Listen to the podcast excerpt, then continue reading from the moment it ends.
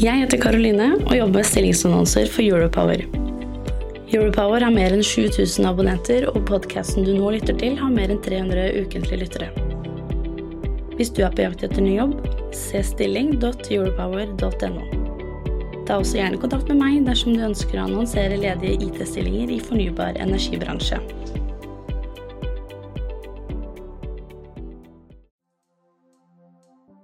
Embrick er en ledende leverandør av avansert IT-drift, programvare, industriell IOT-teknologi og konsulenttjenester. Forretningsområdet Service and Software leverer teknologi og tjenester til nett- og kraftbransjen som lar kundene til Embrick drifte sine smartmålere effektivt og bruke data til å analysere strømnettet. Nå skalerer Embrick salgsorganisasjonen mot det grønne skiftet og søker en sales executive. Se ledige stillinger på europower.no. Det var litt fra våre annonsører. Nå over til Fredrikstad-konferansen. Sendingen du nå skal høre, er et uredigert opptak fra konferansen, der Anders Li Brenna fra Europower ledet debatten som ble kalt Energipraten. Takk skal du ha, Mona. Jeg har skrevet om kraftbransjen i fem, kanskje seks år, litt avhengig av hvordan du ser. Eh, det første året skjønte jeg ikke en dritt. Eh, det er kanskje sånn noen av dere føler. I hvert fall de sitter på midten, så skal jeg sitte her. Føler at eh, strøm sitter med inntrykk Mange har et forhold til det at strøm det er noe som kommer ut av stikkontakten i veggen. Og så kommer en stygg regning i posten hver måned. Og så stopper det liksom der. Men nå har vi fått høre litt om åssen det er på strømnettet og åssen det er på produksjon. Så tenkte jeg vi skulle grave litt dypere i det. Men kanskje begynne med Mona først. Når alle som sitter her, enten er fordi de er privatpersoner eller de driver næringsliv, og kommer til dere og sier at vi skal investere i noen nye satsinger, vi trenger strøm, hva får de av svar hos dere da? Du vet hva, Det sier vi så gøy. Hvordan skal vi hjelpe dere med det? Men jeg har lyst til å si en ting først. fordi at Sånne henvendelser de kommer ofte litt seint. Eh, det er ikke sånn nemlig at hvis du har bygd en batterifabrikken din, så kan du liksom bare putte kontakten inn i støpselet. Det har vi i og for seg sett flere eksempler på. Eh, Antar noen leste avisen her om dagen om Porsgrunn kommune som kjøpte denne elferja til 80 millioner kroner? Den ligger der, for det er ikke noe infrastruktur disse ladekaiene. Det har du ikke tenkt på. Og jeg har en kollega, nettkollega fra, fra Troms som fikk en SMS her om dagen. Eh, du, kan jeg få 100 megawatt? Altså Det er 20 ganger så mye som er tilgjengelig i hele Bergen akkurat nå. Helst i morgen på en SMS. Mm. Nei, kan ikke det. Så jeg tenkte at vi må være informere om at vet du hva, kom til oss, spør tidlig. Vi kan være med å planlegge. ikke sant? Altså, ok, Jeg lurer på, skal jeg sette den der eller der? Jeg tror vi skal få sånn og sånn. Så kan vi ha en diskusjon litt tidligere. Der er vi en jobb å gjøre. halvparten her kommer nå, så tenker ja. at liksom, nå skal vi ta hele greiene på ordet. Nå skal vi investere. Nå setter vi i gang planene. Eh, nå ringer vi Mona og så sier vi at eh, nå er vi klare. Hvor lang tid tar det da? mye skal du ha? og hvor? Nei, vet du hva, Det er fryktelig godt spørsmål, for det kommer helt an på hvor. Og det kommer an på hvor mye du skal ha. Det er som han ble nevnt her i stad, Statnett, Hvis du skal ha kjempemye, så må det bygges på Statnett-nivå. Eh, de har fram til for to år siden fikk de tre-fire henvendelser i året. Mm. Siste årene så har de fått uh, eh, 150 hvert år. de to siste årene. Eh, og de ligger nå i pipe for dem om nesten doble utbyggingen. Det er ikke gjort på kort tid. Så hvis du trenger så mye at de må gjøre om linjene sine, så kan det fort ta ti år. Eh, da er vi over på det som Peder sa. Ti år. Han sa at uh, hvis jeg ikke hørte deg feil, så sa du at du tror ikke du ser noen av disse vindturbinene ute på sjøen før 2030. Nei. Og så vidt jeg sjekka, så er vi sånn ca. 2021 nå. Ja. Hva det, tenker altså, du? Er det nettet som er flaskehalsen også for uh, havvinden? Nei. Nei, det vil jeg ikke si. For dette vil, uh, dette vil naturlig avstedkomme forsterkninger kanskje på regionalnettet, men i hvert fall på sentralnettet. Så, så det, det, er for så vidt greit nok. Hvis du lever i kongeriket Det er ikke da at det byggeperioden er lengre enn et oljeprosjekt. eller hva som helst. Altså det er liksom, Jeg ser for meg tre år, sant? så du er uh, satt, så du bygger liksom 28, 27, du fatter en beslutning i 26. Men det er høringer, det er konsultasjoner, og det er nye høringer, og det er og, og, så videre. Og så er det valg, og så er det skiftende regjeringer, og så skal folk finne fotfeste, og så skal du sånn, sånn, sånn. Så det er alle de prosessene som liksom leder til en investeringsbeslutning som er uh, utrolig tidkrevende i et samfunn som vårt. Eh, på godt og vondt, men det betyr at det er ingen quick fix. Det jeg vil anbefale til politiske myndigheter, det har to perspektiver over seg. Det ene er at man kommuniserer til skal vi si industrien, leverandørindustri, som tidligere har levd av olje og gass og andre ting, at det, nå legger vi til rette for at dere kan være med på et fornybart eventyr. Måten du gjør det på, er faktisk å signalisere at det, det var faktisk ikke bare Utsira nord og Sørlige Nordsjø. Det var de to første områdene som resulterte i noen blokker som ble lyst. Men vi skal ha lisensrunder. Noen husker dette for olje og gass? Vi startet i sør, og vi bygde oss gradvis nordover med nye lisensrunder. Det gir forutsigbarhet, og det gir leverandørindustrien anledning til å si hei, nå er vi i gang. Her kommer, det, her kommer det, arealer, så da kommer det prosjekter, så da kommer det jobb, så da kan vi skru om virksomheten vår til det. Hvis dette skal være sånn one-off på de to områdene, også that was it, så kommer det ikke til å skje noe som helst med industrikonverteringen i den. Så min, mitt råd Men det, det som jeg synes jeg hører her nå, det er at dette tar tid. Det må nødvendigvis ta tid. Ja. Eh, og det dere ber om, er det som industrien alltid ber om, som er eh, gode, langsiktige rammevilkår. Men er det da kun, er det da kun politikernes problem, eller vil havvinden påvirke de som sitter i salen har enten på næringslivsside eller på privat side, eh, som følge av havvind? Er havvind bare en politisk beslutning som må tas, liksom? Altså det, det, ok, La meg stille spørsmålet tilbake. Hvor vil du hente økt kraftproduksjon på fornybar måte i Norge fra? Ja, Da kan jeg ha sagt at vi kunne bygd masse vindkraft i nærheten her. Ja. Så har det blitt veldig og, det, og, og, da, går du inn en åpen dør, men jeg, jeg blir litt sånn, ofte litt sånn eksaltert når jeg begynner å snakke om hva som det, det, skjedde med den vind, vindmøllen. Hva, er konsekvensen av havvind, ikke havvind, for alle som sitter i salen her? Enten det er investeringer, eventuelt nettleie, hvis det påvirker? Ja, altså det, altså hvis du, jeg vet ikke hvordan jeg skal forklare det på den klare måte. Hvis du ser for deg et forbruksøkning på kanskje inntil 50 TWh i året, så kan jo ikke den da realiseres hvis du ikke får nye produksjonskilder. Så vi går da, hvis vi ikke gjør havvind, og dine prognoser er riktig, så, kan du glemme, så går vi fra å ha overskudd av strøm til å ha underskudd av strøm i Norge. Ja. Hvordan påvirker havvind strømnettet deres? da? Dere bygger jo ikke ute i, i eh, Nordsjøen og ute i Norskehavet. Nei, det gjør jo ikke det, men det vil jo kobles på, på Statnett. Og jeg har lyst til å si én ting faktisk om eh, For dette her vil jo da antageligvis bli en sånn ring nett man snakket om, så du mm. får tilkobling til andre land også. Ja. Eh, og debatt om uh, utenlandskabler. Jeg skal ikke ha noen mening om det her, for det er sikkert mye meninger om. Men jeg kan fortelle en faktating i hvert fall. Eh, og det er hvordan det kan påvirke hver og en av oss i forhold til nettleie. Fordi det kommer aldri fram at uh, Statnett de tjener masse penger på prisforskjellene mellom Norge og der de leverer strømmen. Så dere ser i hvert fall nettleia di, at det er mye billigere priser mm. ute enn inne. I fjor var den 2,4 milliarder, tror jeg. Ja, ikke sant? Det er masse penger. Så det at vi bygger den utenlandskabelen nå, den var jo nedbetalt på jeg vet ikke, 18 måneder eller noe sånt. Mm. Så, så, det er bare en, en, fun fact, i hvert fall. ikke noe annet. Mm. Men sånn, eh, når det kommer havvind som skal da inn og kobles på enten Vest-Norge eller Sør-Norge, og sånt, og den vil påvirke deres nett også her lokalt? vil den ikke Det Det gjør den absolutt. Og så tenker jeg, jeg har lyst til å bare si noe som gjelder for hver av oss. Da du så disse kurvene til, til si, Rystad, hvor uh, energiforbruket går ned fordi at strøm er så veldig mye mer effektivt enn fossil energi. Kjempegreie. Men vi må jo bruke mulighet i Norge da, til å lage grønne arbeidsplasser og grønn industri, når vi har denne fantastiske fornybare energien som vi faktisk har. Vi har allerede masse energi mm. og tilgang på det. Vi har mer enn vi bruker per i dag. Eh, og skal vi bygge mer, så har vi en vanvittig mulighet. Altså Noen må ta eh, stafettpinnen og, og, vinne dette her gamet på industrisiden. Og vi trenger arbeidsplasser. Og sånn tenker alle nå. ikke sant? Altså Alle landene rundt oss gjør det. Eh, men vi har noen fortrinn. Eh, både på, på kompetanse og på naturgitte eh, kilder, holdt jeg på å si. Eh, så dette her må vi bare spinne rundt på. Og det må vi gjøre nå. Jeg er ja, bare hjertens enig. For hvis vi gjør dette riktig, så kan vi se for oss på en måte en, en reindustrialisering iallfall nesten langs hele kysten. Sånn versjon 2.0 av Norge. Eh, med, altså det er plass, du har eh, kraft, du har grønn kraft, du har tilgang på vann. Og, og de prosesser som krever mye kraft og krever mye vann for å få til.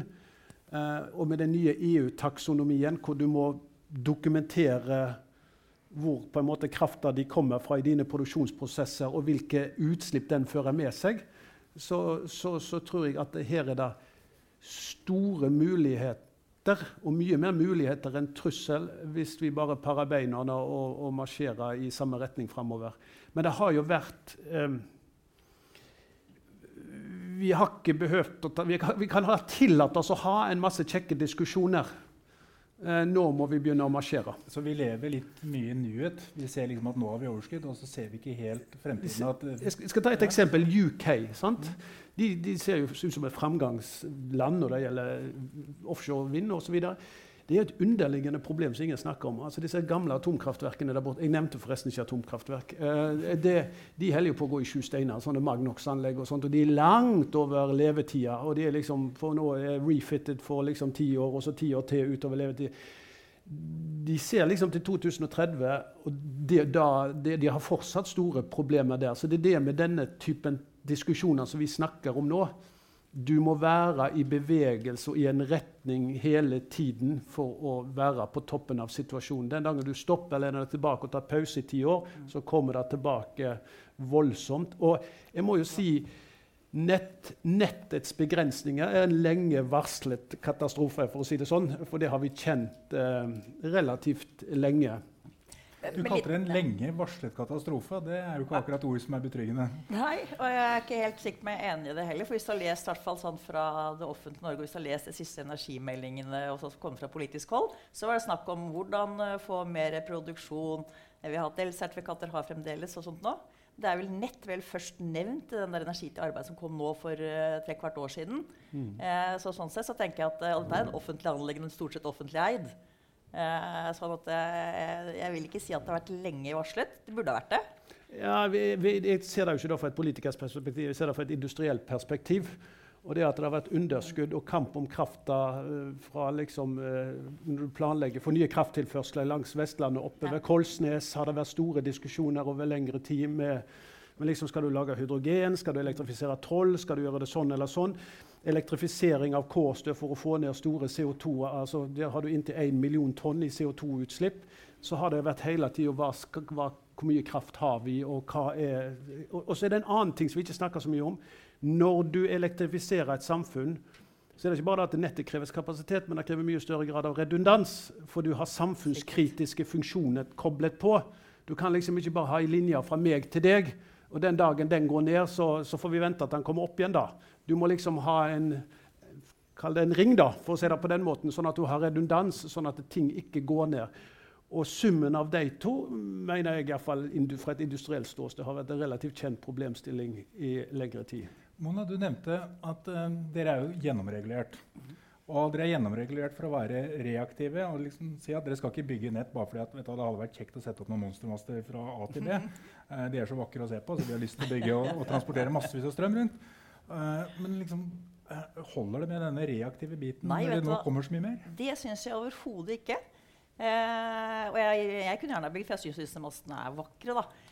men jeg tenker at vi burde hatt et initiativ for Når vi vet ikke sant, det kommer ting i Fredrikstad-området nå, og det er initiativ på gang, så burde vi kunne startet opp. Liksom, vært litt grann, bygget, altså at vi betalte i etterkant. Eh, på en eller annen måte, sånn som, som man gjør ellers. Så jeg, jeg syns at det er for strengt regulert. Eh, men nå kommer jo denne her eh, fondet da, fra Siva forhåpentligvis, eh, som gjør at utvalgte prosjekter kan få litt støtte.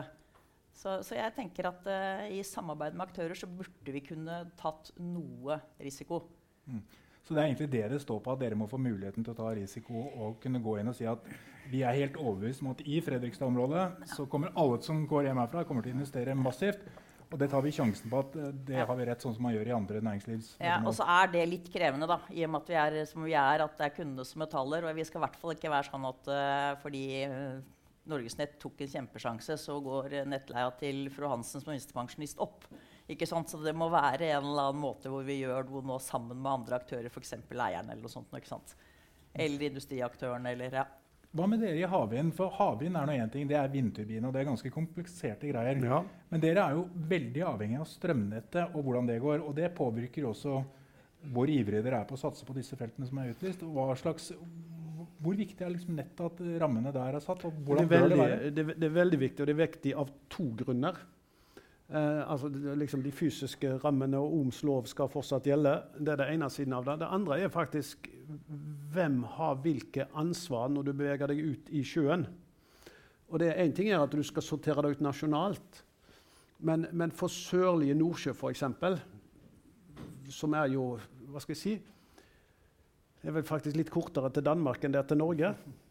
Og det er ikke så fryktelig langt derfra til, til England heller. Norske myndigheter har sagt at dette støtter vi, men det, det, blir ikke noe myndighetsbidrag. Dette blir en auksjonsprosess, så får dere bygge ut. Da kan du ikke være veldig hard på hvor den krafta skal gå. Min tese er jo da at du får kabel begge, altså begge altså, retninger. Strømmen skal gå både fra havvindparken til Norge og, og fra havvindparken til, til f.eks. Danmark eller et eller annet, et eller annet mm. land til, vil jeg, mm. vil jeg tippe. Og det er ganske avansert i seg sjøl. Da får du jo diskusjoner med TSO-er.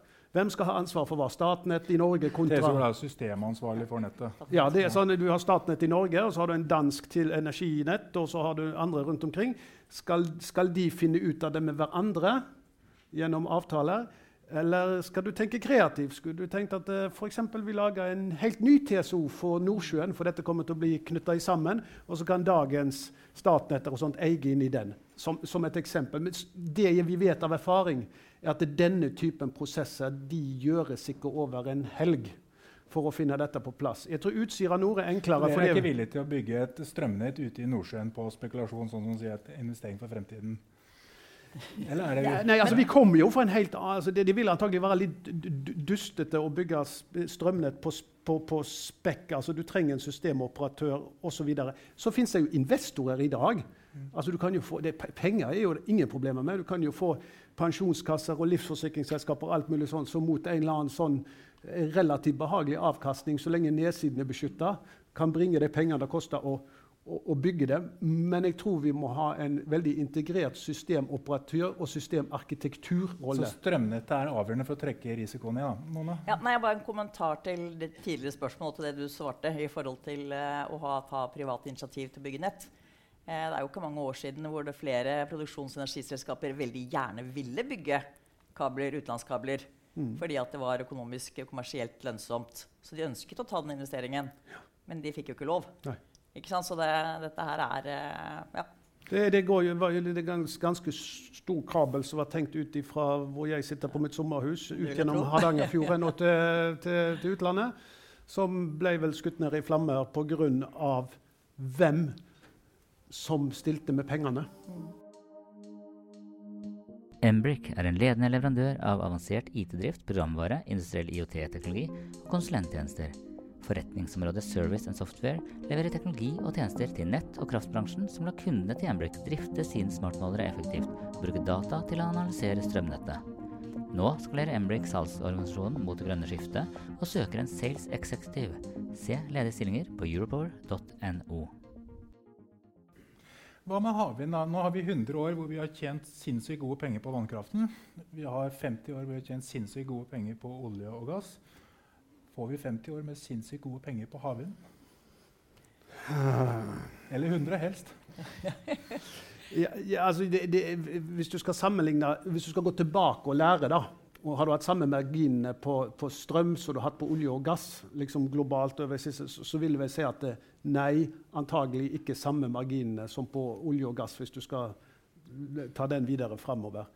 Um, på, jeg synes på en måte offshore vind passer bedre å sammenligne med gass mer, mer enn olje. Det var jo en ganske trang fødsel på mange områder. Men det vært gode penger på gassen i år? Må ha blitt etter hvert det, det, det veldig kjekt. Jeg tror det I løpet av en uke her i høst så fikk AS Norge inn like mye penger på gassalg som den samlede eksportverdien av fisk i Norge på et år. Så eh, hvis du sitter der lenge nok, så får du i en syklisk industri så får du enkelte punkter hvor gassen ikke koster 1 krone kubikken, han koster 10 kroner kubikken. Og når du da eksporterer 110 milliarder kubikkmeter i året, så er det da 110 milliarder kroner. Men når du plutselig får 10 kroner, så blir det noen helt andre beløp. Så, så, så, så jeg, jeg, tror, jeg, tror, jeg, tror, ikke på en sånn super, altså superprofitt i dette, her, men jeg tror på utrolig eh, eh, industrielle utfordringer. Du bygger det gradvis. Du har jobb, og så bygger du egentlig, særlig på flytende, sånne muligheten til at den norske leverandørindustrien Hvis du gir dem et rammemarked, så gjør du det samme som du gjorde for oljeindustrien. Så kan det konkurrere internasjonalt. Og Det viser jo seg etter hvert arbeidsplassmessig så var jo oljeserviceindustrien mye viktigere for landet enn oljeindustrien. Mona, du har lyst til å kommentere? Ja, jeg har lyst til å kommentere, for jeg tenker at Her må vi ha to tanker i hodet samtidig. For jeg tenker at Norge har mange fortrinn på at vi kan være raske på å bygge uh, havvind uh, fordi at vi har kompetanse fra oljeindustrien. Uh, og hvis vi starter nå og bygger ut, så må vi sørge for å få den kraften til Norge og mm. lage arbeidsplasser og grønn industri. Mm. Så du vil ha kabel fra havvind og inn til Norge? Ja, Gitt at vi klarer at industrien står klar, at vi skulle lage noe av den. aluminium, ikke sant? Altså, kraftkrevende industri vi må gjøre noe som at vi kan leve av videre etter oljen. Eh, og kan ikke bare leve av å produsere energi som vi ikke gjør noe med. Eh, så jeg tror ikke noe på sånne lange kabler for å frakte eh, som man kan med, med skip på olje og gass. for å si det sånn. Så derfor må vi foredle den fantastisk fornybare energien og kunne leve av det videre fremover. For litt av grunnen til at jeg spurte at Hvis vi ser på norsk energibransje og historie, så er vannkraften ganske unikt. Du kan ikke ta et eh, fossefall og eksportere selve fossefallet. Uh, sette det på et skip og sende det til Europa. Er, fossefallet er ganske unikt for Norge. Eh, oljen sa Rystad at olje og gass, eller hydrokarboner, der sa de jo at der er det noen land som er heldige. Mens når det gjelder vindkraft og solenergi, så er på en måte alle heldige. For alle kan bygge havvind. alle kan bygge, eller Kanskje ikke Sveits, men altså, vi, vi har ganske mange land som kan bygge havvind. Er det et problem for havvinden at det er for mange som ønsker å være med? Vi har både Storbritannia, vi har tyskerne, vi har danskene, vi har alle andre mm. som også ønsker å være med. Eh, jeg tror ikke det. For hvis du så på utfordringen som var beskrevet av Rystad, og hvis du så på de investeringsbeløpene de snakker om, og den farten vi må ha på den energien, så er det tvert imot alle mann til pumpen i alle land. Så, eh, så jeg tror egentlig heller det blir, det blir forsyningskjeden som kommer altså, du har Vestas og Siemens og Uh, hva det heter Etterspørselen etter mye mer fornybar kraft er ja, så stor at ja, ja, liksom, altså, altså, De som produserer turbiner, da, for å si det sånn, de kan produsere så mye. De som skal installere dette, det er så mange fartøyer. Du kan bygge noe flere. Jeg tror det blir flaskehalsen. Men det en, altså når det gjelder denne overgangen her, så er alle velkomne. Og full fart fremover i alle retninger i alle land. For full fart fremover er fortsatt som du sa, sannsynligvis 2030. Vi begynner ja, med ordentlig havvind i Norge. og Så kommer kanskje Hywind Tampen litt før. og sånn, Men reelt sett så er det først 2030 vi begynner. Når, når blir havvind stort i Norge? Altså det... Ikke som eksport av eh, å sette dem opp, men altså i norsk kraftproduksjon med havvind. Ja, okay. kan la, det bli stort? La, la, oss si det sånn, da, at det, det som nå synes å være regulert for i disse to områdene til sammen, er 4,5 giga kapasitet. Det er vel sånn Skal vi si at det er sånn eh, litt uh, mer enn 10% av uh, effekt totalt i det norske kraftsystemet i dag. Stemmer ikke det? Sånn cirka. Det kan du se for deg at du har på plass til 35. Så er jo det store spørsmålet Du velger da hva som skal skje derfra. Og de avgjørelsene tar du antagelig da i løpet av neste år og året etterpå fordi at da må du begynne å tilrettelegge for de neste områdene hvis dette skal fortsette. Når du ser lead-timen på å få dette gjort. Så, så, er det klart at etter hvert som førstegangsregulering er på plass, og tilsyn, hvem som skal ha tilsyn med hva er organisert, og de ulike myndighetsorganene har sagt at det er vi som skal gjøre det, og dere som skal gjøre det, så, så går det litt fortere. Men det som skal komme etterpå både, la meg si det sånn, gir det iallfall ikke mer enn fem år før du har, maks før du har lagt egentlig kursen for hva dette skal bli. Om det var en sånn one-off happening, eller om det ble faktisk en betydelig industri med kontrollert, gradvis bygging over tid. Hvor lang tid tar det før alle som sitter i rommet her, kan uh, satse masse på havvind og levere masse? Ja, ja, hvis du tar utgangspunkt i mitt 2030-scenario, da, mm så vet du at det da, da vil det antagelig være en investeringsbeslutning i 26, og så plasserer du kontrakter og bygger eh, sånn fra 27 til, til 30. De som er her, bør posisjonere seg og være klare å levere fra omtrent 2026, fem år fra nå. Ja, og da, da er en ting som er viktig. Hvis det er noen som, og da håper jeg jo, så tenker på noen nye tekniske løsninger. Altså sånn, har en, vi har en smartere måte å gjøre dette på som gjør at dette blir mye billigere eller bedre. Så må de liksom være da egentlig kvalifisert og demonstrert at virker til 25. Og da snakker jeg ikke om sånn badekarforsøk. Nå snakker vi fullskala langtidstest. For ellers så kommer ikke man til å bli tatt med. Og det har jo en del leverandørbedrifter sett. Og de har jo da valgt altså Når du ser at uh, selskaper som det var ikke med teknologi, men allikevel selskaper som Solstad, altså det største rederiet, Deep Ocean, det største og Aker Solutions går i sammen for å lage Windstaller, som er en allianse for å bidra eiere av vindparker til å levere tjenester til utbyggingen av dem. Da sier vi, det er liksom så, så for Guds skyld, gå i partnerskap. Gå på, gå på anerkjente teknologikvalifiseringsløp innenfor DNV eller noen andre, og få det på plass til sånn 24-25 hvis man skal være med. Mona, dere leverer jo ikke havvind, men dere kan jo definitivt veldig mye om eh, nettet og strøm. Og jeg vil tro at veldig mye av den kompetansen er relevant for havvind. Hva er ditt tips til alle her som eventuelt ønsker å koble seg på strømnettet, og kanskje først og fremst med tanke på havvind, for der blir det mye penger one way or another, ser det ut som. Hva er ditt tips? Ja, du tenker på at altså, De som sitter her nå, tenker at uh, jeg har lyst til å lage noe av fornybar energi fordi at det kommer uh, mye strøm til Norge. det du tenker? Ja, tenker, dere vet jo litt hva det krever å koble til på nettet. Ikke minst, Det er jo deres jobb. Og de skal jo koble ting på havvind også. Jeg vil tro at dere sitter på en del kompetanse og, hva som skal prøve seg. Har du noen tips? ja, jeg er ikke helt sikker på jeg skjønner spørsmålene. Fordi at, øh, om det er tips da, til at øh, man skal lage ny industri? Mm. Ja, det kommer helt klart et marked. Uh, det er helt sikkert at det finnes til barna deres. Eh, lær noe om eh, kraft, strøm, fornybar. Du får helt klart eh, jobb. Eh, det kommer til å være masse eh, kompetansearbeidsplasser.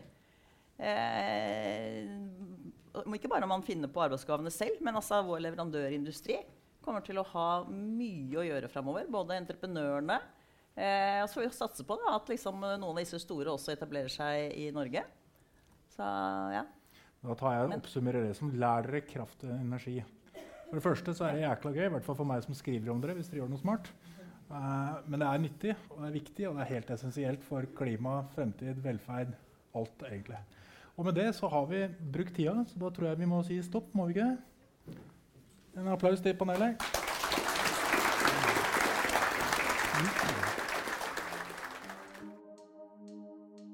Embrick er en ledende leverandør av avansert IT-drift, programvare, industriell IOT-teknologi og konsulenttjenester. Forretningsområdet Service and Software leverer teknologi og tjenester til nett- og kraftbransjen som lar kundene til Embrick drifte sine smartmålere effektivt og bruke data til å analysere strømnettet. Nå skalerer Embrick salgsorganisasjonen mot det grønne skiftet og søker en sales executive. Se ledige stillinger på europower.no.